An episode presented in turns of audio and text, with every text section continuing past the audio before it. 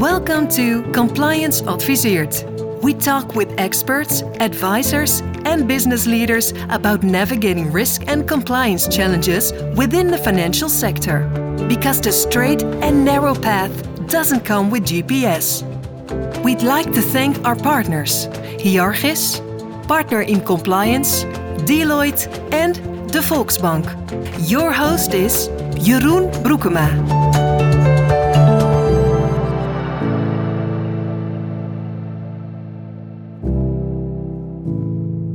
Welcome to a new episode of Compliance Adviseert. I'm very, very happy you're listening. And today we're speaking about financial crime and compliance.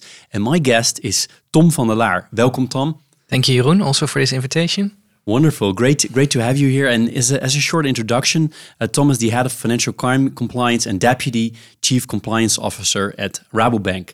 Um, next to his job, he's also a guest lecturer at the Postmaster Compliance and Integrity at the VU, the Vrije Universiteit in Amsterdam. So that is a short introduction, but I'm sure there's much more to this short one uh, than that. So maybe you can also introduce yourself and elaborate on what I just said. Yeah, thanks, Jeroen. I will do so. So I'm indeed the head of financial crime compliance for uh, Rabobank. Um, uh, yeah, we cover, of course, many different themes. So we cover anti-money laundering, counterterrorism financing, sanctions, of course, also very important in, well, the, the geopolitics of today, fraud, uh, but also internal and uh, and regulatory investigations and speak up as part of my uh, my remit. I do that for the Rabobank Group, uh, so globally, but also for the subsidiaries. Uh, and of course, in that role, um, I partner up with with the first line, with the support functions also in the in the first line. And to put it very simple, uh, my job is to protect and to support actually the first line of business. Uh, so that's what I do on a daily basis. Uh, and indeed, I have a side job. Uh, I teach at the University of uh, Amsterdam, Vrije Universiteit. and there I focus on organizational integrity and, and leadership. Your job is a lot of things, right? You just you just mentioned all those different things like sanctions and fraud and internal internal investigations dealing with the regulator and then in many countries how do you deal with so many different topics? How do you prioritize uh, well, luckily, I don't have to do it all by myself, of course. So I, I do it with a, with a great team, um, and that means that we have a global organization. We have representation in different regions and locations, which of course helps us a lot to keep abreast with also local and regional developments. Uh, so close collaboration uh, between regions, locations, and the global uh, the, the, group head office. Um, so that's one. Uh, and second, of course, is just making sure that you have a good system uh, of internal processes, but also risk management, in order to to keep abreast, but also respond adequately if you see certain developments in the world. Yeah. Right. And um, as I said in my introduction, you're the deputy chief compliance. Is that something uh, is that a role that you actually do when the chief compliance officer is not there, or is it in itself a job? Uh, no, so it's indeed uh, what you said. So it's I, I replace the chief compliance officer in case of holiday or if there's another reason why she's absent. So uh, it's important that we uh, safeguard continuity, and that's why you actually also need a deputy chief compliance officer. And apart from my role being the head of financial crime compliance, I'm of course part of the management team of compliance. And uh, together with the chief compliance officer and the management team, we focus on the effectiveness of the compliance program. But it means in practice you need to know about all the different topics that are currently going on, right? Because if you need to step up uh, when when she's not there, then you, you you can not just start there, right? You need to have all this information before. Yes, you need definitely an understanding of uh, the compliance topics. Of course, it's very helpful if you know a little bit about risk management and compliance. But more in general, I think it's important that you understand the business and and also understand uh, economic and geopolitical developments. So yes, it, it's important to keep abreast with all the uh, all the developments. And about your background before all of this, what have you done? Um, yes, I started. I studied law, so that's uh, where it started. I uh, I studied criminal law and European and international law the, at the University of Maastricht. Uh, I started my professional career as a criminal defense attorney. I think that was very helpful, uh, in all honesty. Why was that? Um, being young, uh, being on the spot, uh, uh, also plea, pleading, of course, in front of court. Uh, also, just a strategic mindset that you also develop, I think, as a criminal defense attorney is, I think, very helpful. So, you, so you learn a lot of uh, skills uh, that are transferable also to the to the job that I have today. So, I, I, I think it was a great start actually to work as a as an attorney and and then move more into compliance integrity management. My my first role was in ordinary criminal law, but I, I gradually moved uh, more and more also to financial and economic crime. And, and there's an opportunity, of course, that you fix things also outside court. Uh, so if you take it serious together with your client and just fix things, uh, there's a potential uh, to settle also outside court. So that's how I moved more and more into compliance and integrity management. Um, uh, after that, I started working uh, in consultancy in governance, risk, and compliance. Uh, often, indeed, uh, letters from regulators which required attention. So, also there's a sense of urgency in organization, uh, and also a need to change things and, and to, to change also the operations and, and to fix things. Uh, so that's the common denominator, I think, in the things that I've done so far. Uh, a lot focus on uh, on financial crime, compliance in general, but also behavior, and, and making sure that the underlying processes actually get fixed if they're broken.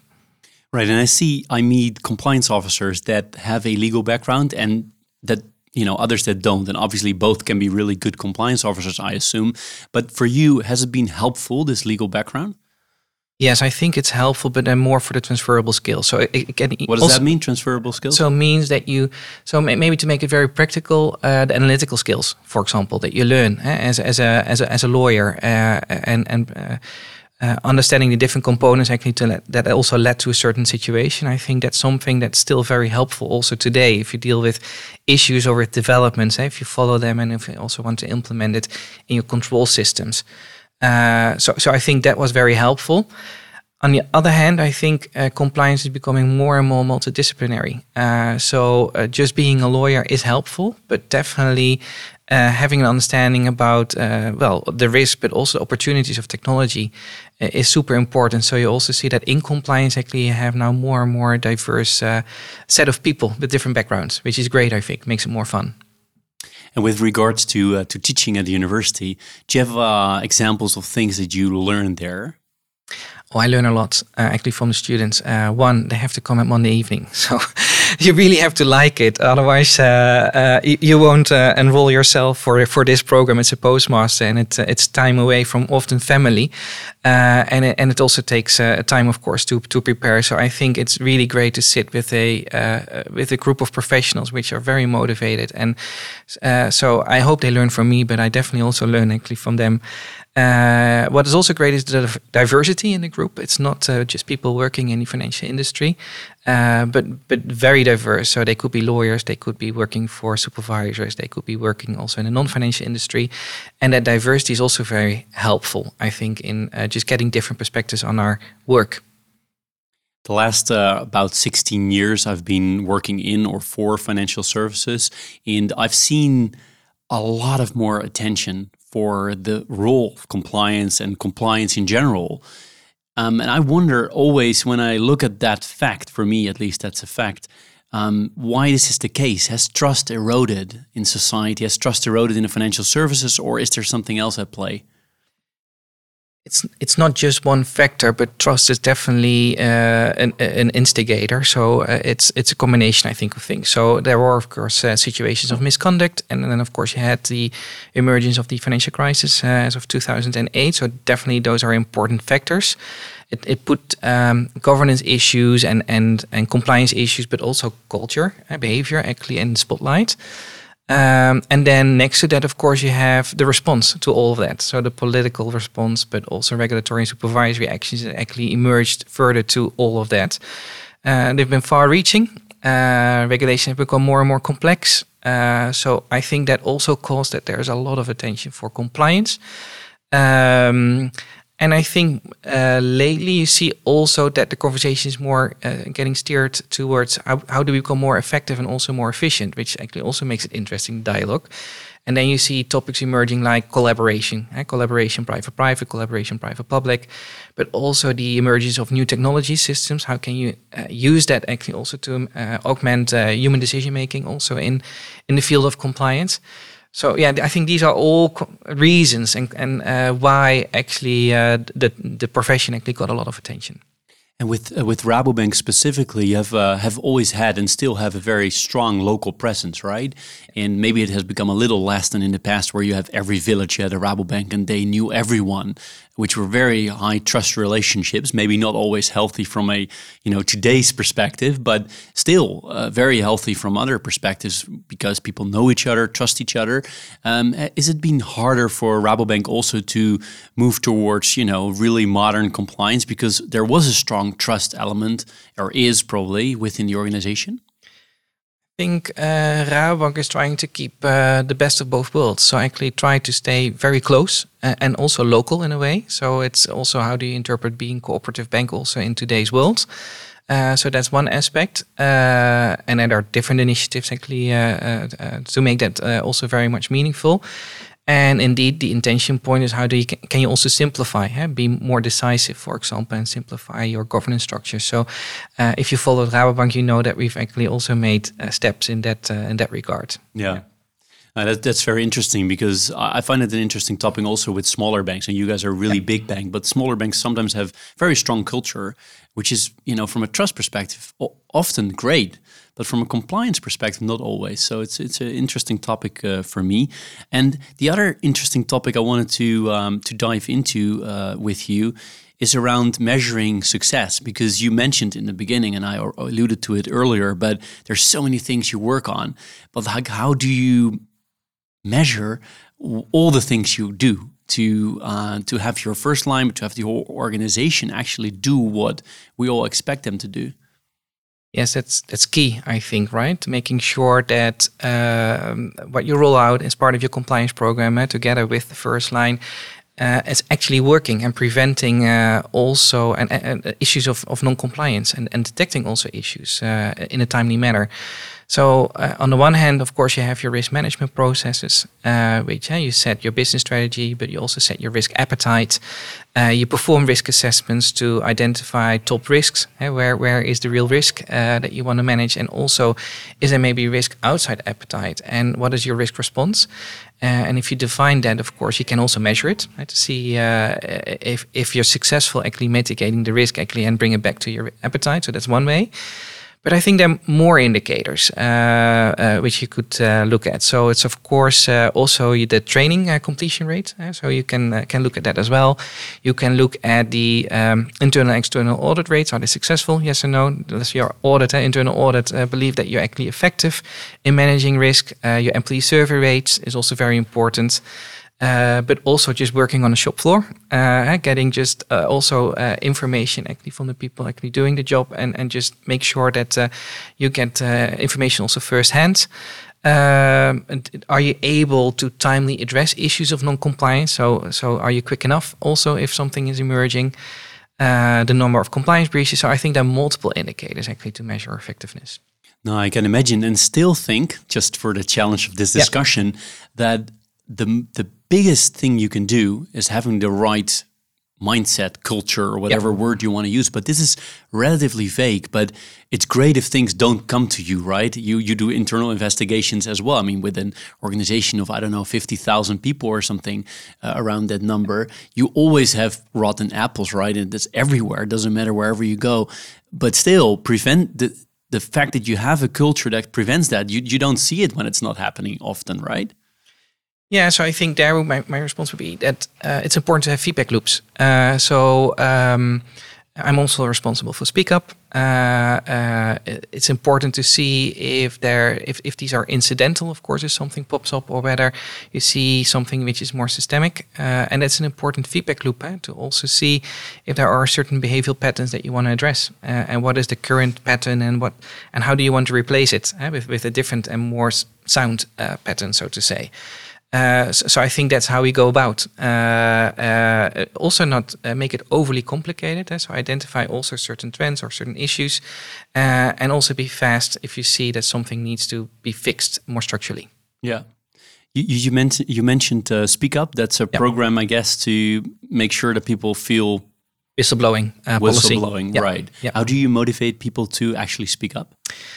Uh, uh, always attention, of course, for the for the topic. Uh, also, uh, of course, making sure that there's a good risk culture, actually, where people feel that they actually can discuss issues uh, amongst themselves with their managers. And next to that, also having multiple channels, of course, where you can report if you believe that actually the situation you're in is not safe enough.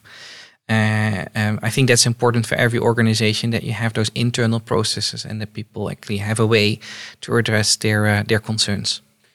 Related to, to to speak up, but also broader speaking, the fact that we had COVID, a lot of people working at home, and still a lot of people. I guess it's the same at Rabobank that a lot of people still work at home, uh, from home.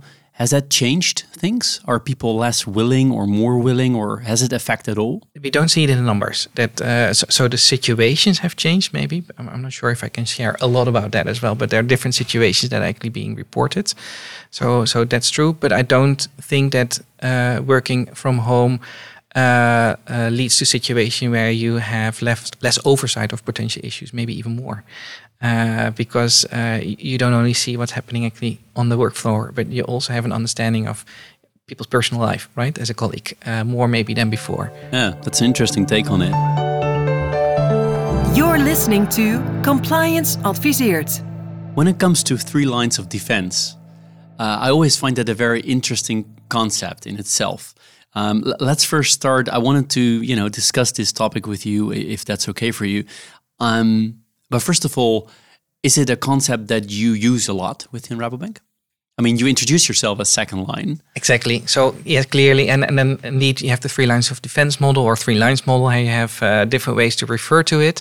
But uh, yes, I'm working for a financial institution, and as a financial institution, you have to work with the three lines model. Uh, so it's an obligation by law. I think for financial institutions of, of our size, it also makes sense to work with such a model. Uh, maybe I can make a comparison maybe with the football team just to explain and how it works actually in in, in, in, real life. Uh, so first line um, uh, plays up front. Uh, it involves business and support functions, and and of course as business you you, you set certain goals, uh, and you cont- continues looking also for opportunities actually to score, but also you protect your own own own, own goal. Um, so that that is actually the process of of uh, setting a sound uh, business strategy, but also actually managing risk. Uh, and, and actually, if you look at your first line responsibility, it's all about delivering products and services for your customer base, right? Uh, and then you have business strategy, you have risk appetite statements, you have new product proposal proposals, you have uh, the implementation of new systems, and so on. And I would say that second line is more in the midfield. So then maybe not up front, but more in the midfield. You support actually your very uh, your first line. Um, uh, you provide a framework. You you have a countervailing voice. You advise actually also your business, uh, and you proactively challenge also in in case of risk taking.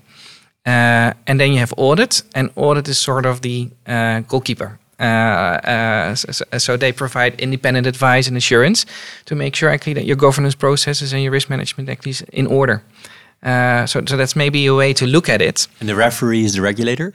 Indeed. So then you also have referees. An internal audit is a referee. The external audit is a referee. You have your supervisor is of course a referee.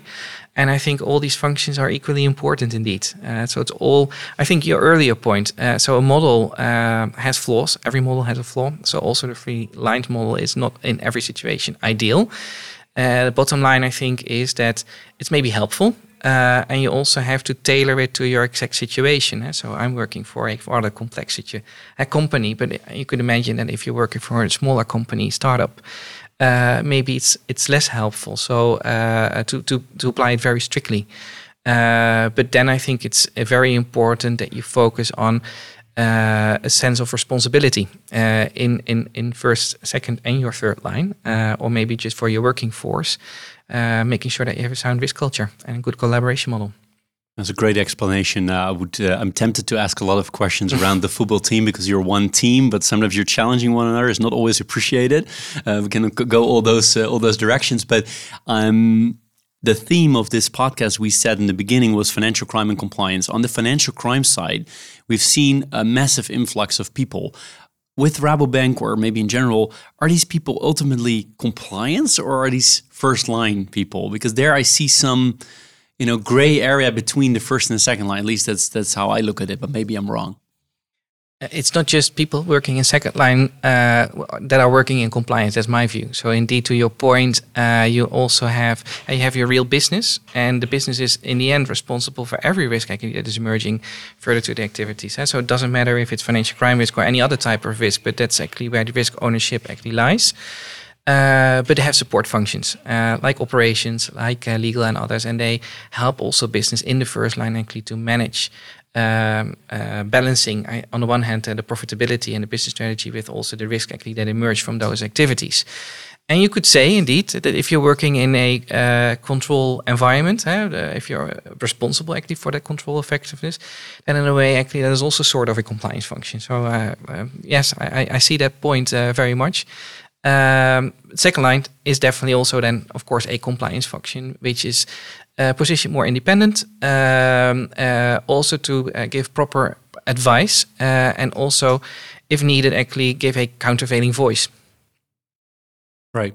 Um, that makes makes sense. So people that are doing the know your customer work for onboarding, for example, new clients, they these people are in the first line, I guess, right? They're in the first line always, yes. right? Yes. And then second line is going to check whether the procedures and everything are are in place and whether it works. Yeah. But that's so. In other words, the thousands of people that work with the major banks in here in the Netherlands are mainly first line, right? Ultimately, mainly although line. in, for my feeling, they're kind of doing semi first line work because uh, but they're still client facing in a way often so um, yeah that makes sense. And the third line i don't hear much about it. Uh, do you have any feeling of uh, how many people are active with that for example? Or um, you know tell me more about the third line. Yeah, th so third line um, is equally important. Uh, if uh, equally important uh, towards the if, if you compare it with the first and the second line. So they also have a role to play in the collaboration model. Uh, they provide independent assurance and and and, and also advice. Uh, also more proactively to the uh, to the organization, and, and maybe then again the comparison with with the sports. so you have the the you have of course rules uh, rules of the game. Uh, and indeed, uh, in that same analogy, you need your internal auditor, you need your external auditor, and you need your supervisor actually to see if we play accordingly. Uh, and and also there, I think it's very helpful to have this first line.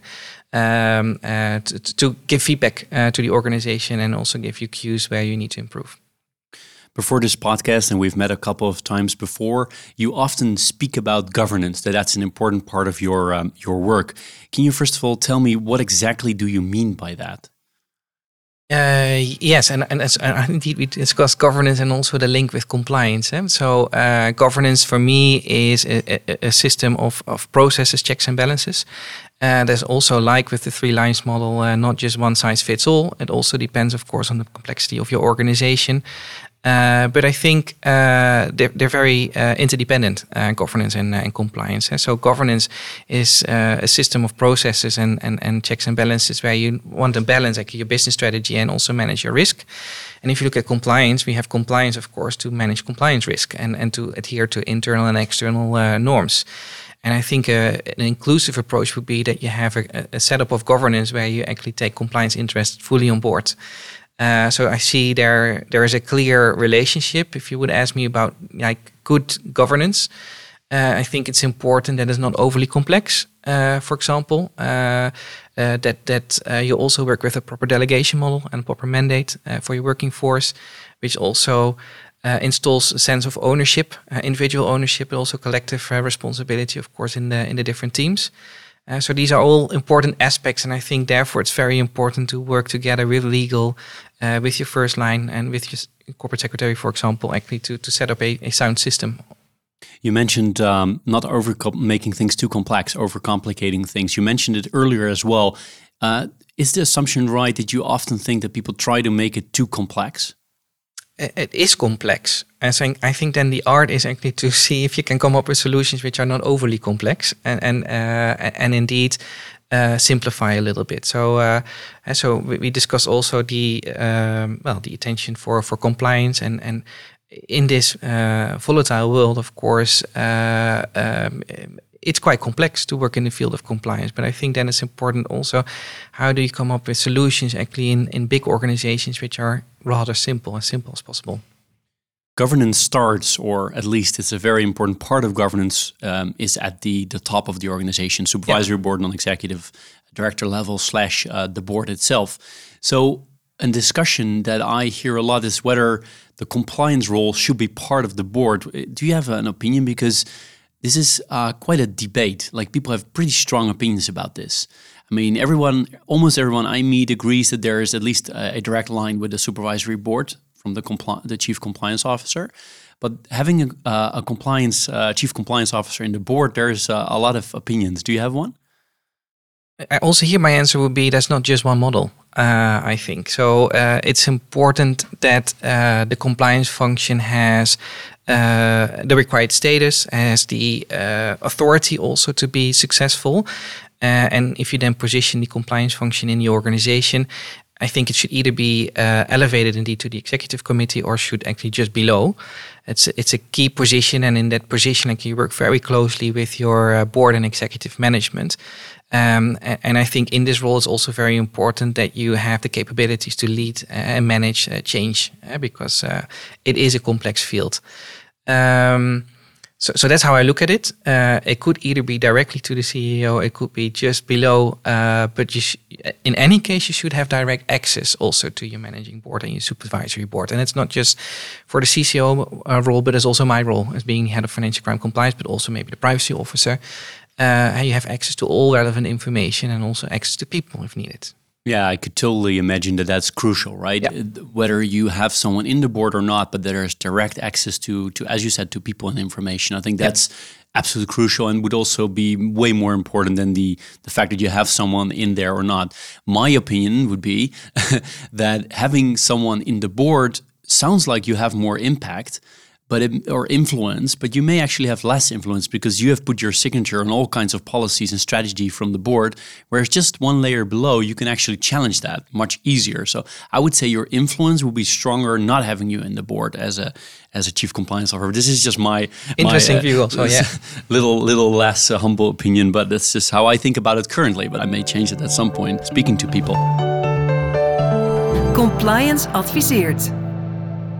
I wanted to talk with you also about uh, technology because there's so much going on in that world and we can you know go into different angles and you can take it wherever you see fit but but first of all do you agree and see that technology is playing a bigger and bigger role within within your organization Absolutely, undoubtedly. Uh, so uh, there are more and more tools available uh, which can support compliance professionals in first and second line, but also in the third line. And we discussed the third line as well.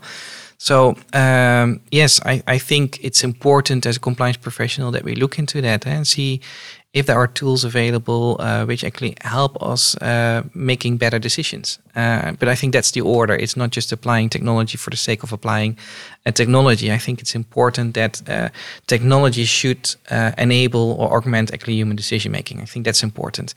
So the first, very first question, I think, if we look into this, uh, because there are multiple opportunities, for example, in the surveillance or uh, on monitoring and capabilities, uh, what is the goal? Uh, so why do you want to apply this technique? Is it indeed that you want to replace your more transitional, traditional uh, transaction monitoring system with a new uh, possibility of AI or, or, networking analysis or entity resolution, something like that? Um, um, that's one. Uh, do you want to integrate data in your ecosystem? And so it's important to look into all of these type of questions. And I think also there's a relationship with the governance as well. Uh, if you introduce that, how do you um, govern that? Uh, how do you take decisions uh, also? And is there maybe user training required? And um, do you need feedback to improve? All, all these type of questions I think are also very important if you're exploring uh, working with these new uh, new techniques. And I think in the end, it's all about um, making sure that it's benefits not only your organization but society i think at large and doesn't harm. And for that i think you have to look into all these types of questions. Right.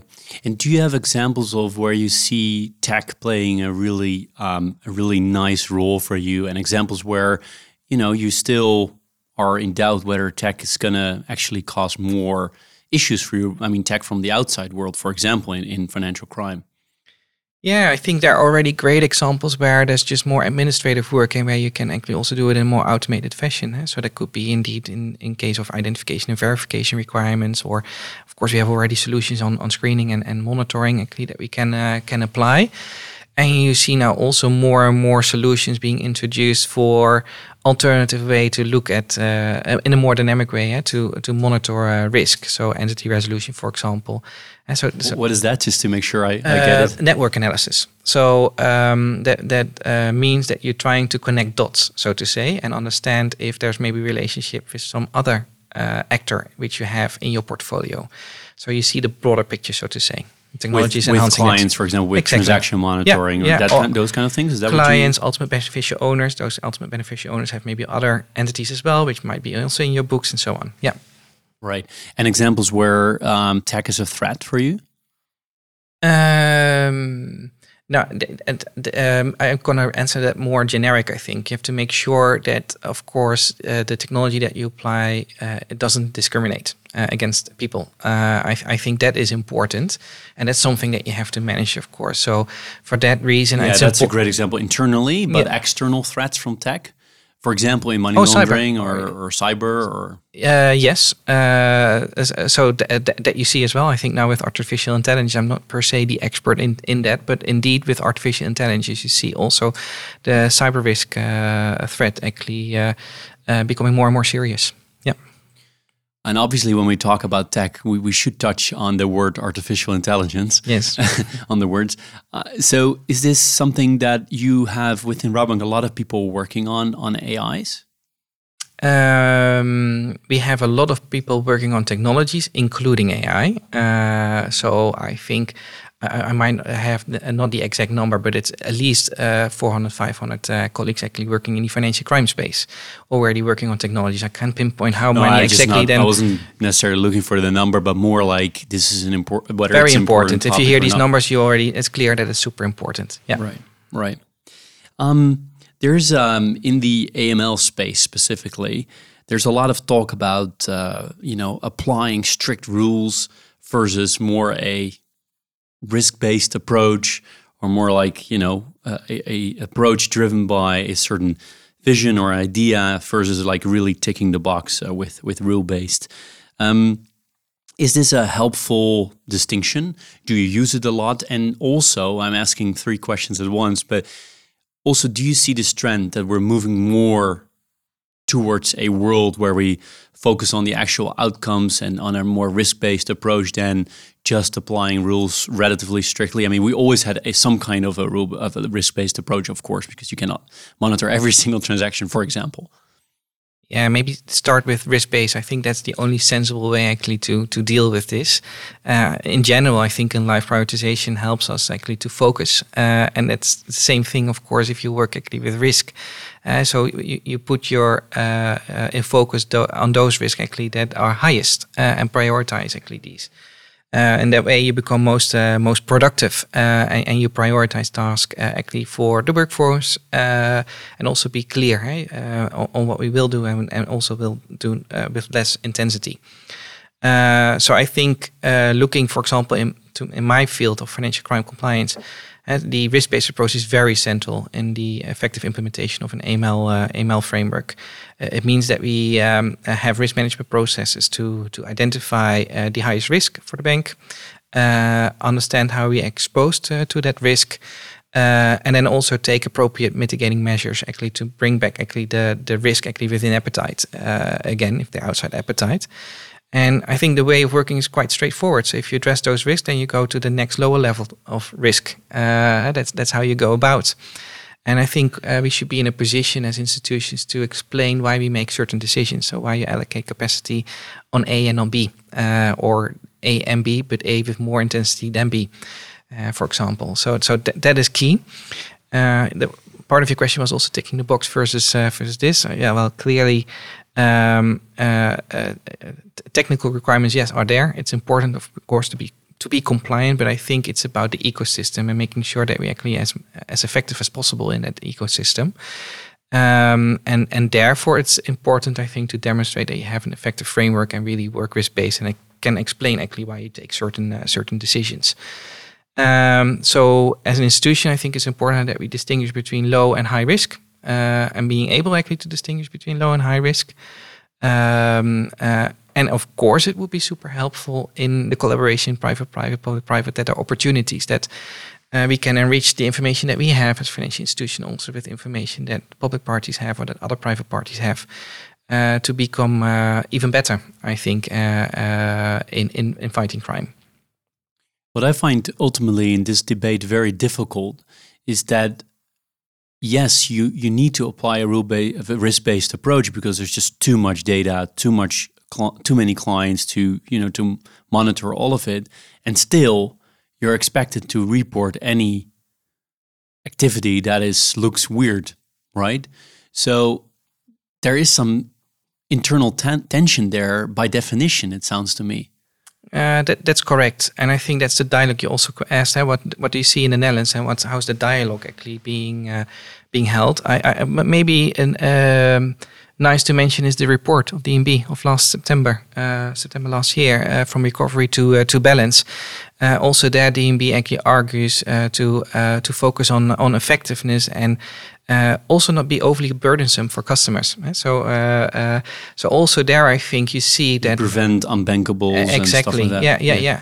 So also there you see clear steer also from the public party actually to uh, focus on uh, on risk uh, and taking a, a more risk based uh, approach. So I think that that's great. I think that we have that development and also that dialogue. Uh, and further to that, we've uh, we started with with roundtables. Also see and explore opportunities where we can work maybe a little bit more risk based than we do today. and just having that conversation is already, I think, absolutely great. Right. You already mentioned uh, working together with uh, with partners a couple of times with the the public private yeah. uh, uh dialogue um, is is crucial in your in your uh, view. Um, still, I think that's difficult, harder if there are people that are um, suspected of crimes, right, within boards, and um, so having a good relationship working together, you you should not be scared, right? To be personal liable, for example. Does this make has this made uh, public-private partnerships cooperation harder over the years? Yeah, we, we discussed the topic of uh, privacy, of course, which is uh, important, uh, and and new technology. Yeah, so the, so data and, and and and privacy are also important topics. But indeed, you touch upon the topic of trust, and I think uh, that's also a very important topic. Eh? So collaboration only works, of course, if you work as partners, and uh, and that there's also a level of, of, of trust in that in that collaboration. Uh, yeah, maybe there are situations where you have to be a little bit schizophrenic, to put it like that. Uh, but I think it's important, and I think that's happening that we're explicit about it. Uh, that you. Um, and I think we're also in a situation, right, that uh, if you look at institutions, we are really all, I think, focusing on. I'm talking now about the Netherlands and, and, the important partners on making the ecosystem better. Yeah, I, I, think it's more difficult to find someone like who doesn't agree with uh, with that. Uh, so. Um, I think we have to make sure that it doesn't distract from having this dialogue and and and, and focusing on effectiveness. I think um, I'm not sure who said it, but it takes a, a network to yeah. fight a criminal network. I think yeah. that's very true, right? Ultimately, you can only do it together, right? Private yeah. sector, public sector. You cannot never do it alone. Uh, the banks cannot do it alone, but the, the, the public sector can't do it alone either. So um, no, that sounds um, yeah, that sounds it makes sense from from what you just said. Um, last but not least, uh, we've always asked our guests uh, about tips for compliance officers. Um, whether you're a junior and just starting today in, in the, the, field of compliance, or whether you're the chief compliance officer, in your case, a deputy chief compliance officer. But do you have tips for them? Uh, yeah, my tip would be make sure that you understand your business. Uh, you, you, become more credible, and I think also a better partner, whether it's in an advising role or in a countervailing role, uh, for your first line. So, so that would be my tip. But how do you do that? Um, meet clients, for example. Just join your first line. Uh, um, understand the business, uh, the products, the service that are being provided. Uh, sit next to people to understand also the underlying core processes. So we touched upon the topic that it's maybe helpful to have a legal background. yes, it's helpful, but I think you need far more skills. And I think having this interest in the real business uh, but also focus on other type of skills, uh, technology uh, capabilities, uh, communication skills. They're all equally important, I think, also to be successful in this job. And can you make it more specific? Like, why is it important, for example, to meet clients? Um, I think it's important to understand what's in the heads of the clients. They're always very passionate, I think, about their company. There are a lot of good clients also. You also learn how to ask your question uh, if you're actually properly understood. Uh, so, so, I think just having that basic understanding of, uh, you know, what your clients do and what's important to them, uh, but also build a relationship and also some understanding uh, on the client's end actually of what we're doing and why we're collecting certain information is i think super helpful did you ever think when you started your career that compliance would be such a you know from a business terminology um, wording uh, perspective would become so hot and important part of the business to be in um, I, I, never gave that really a thought because I think I was part of that journey. So I think I started working uh, just before the financial crisis actually started. So uh, yeah, I was more part of that journey actually, and I saw the the, the profession actually evolving.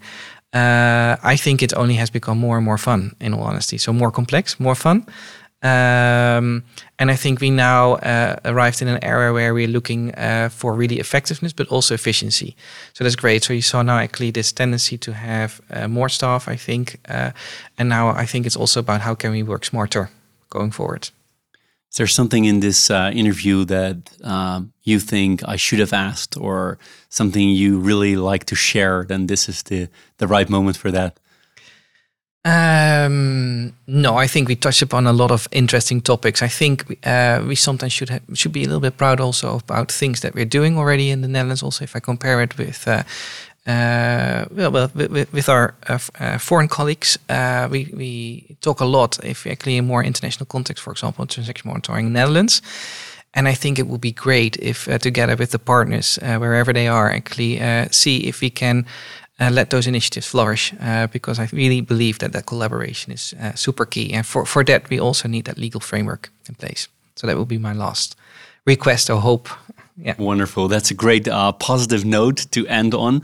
Uh, Tom, thank you so much uh, for taking the Welcome. time to uh, to talk to Compliance Adviseert. It was really interesting. I love also the fact that you're such a, an optimistic person that deals with risks all the time, but still look at from a from a positive uh, perspective. So it was really interesting to listen to you, and thanks for taking the time.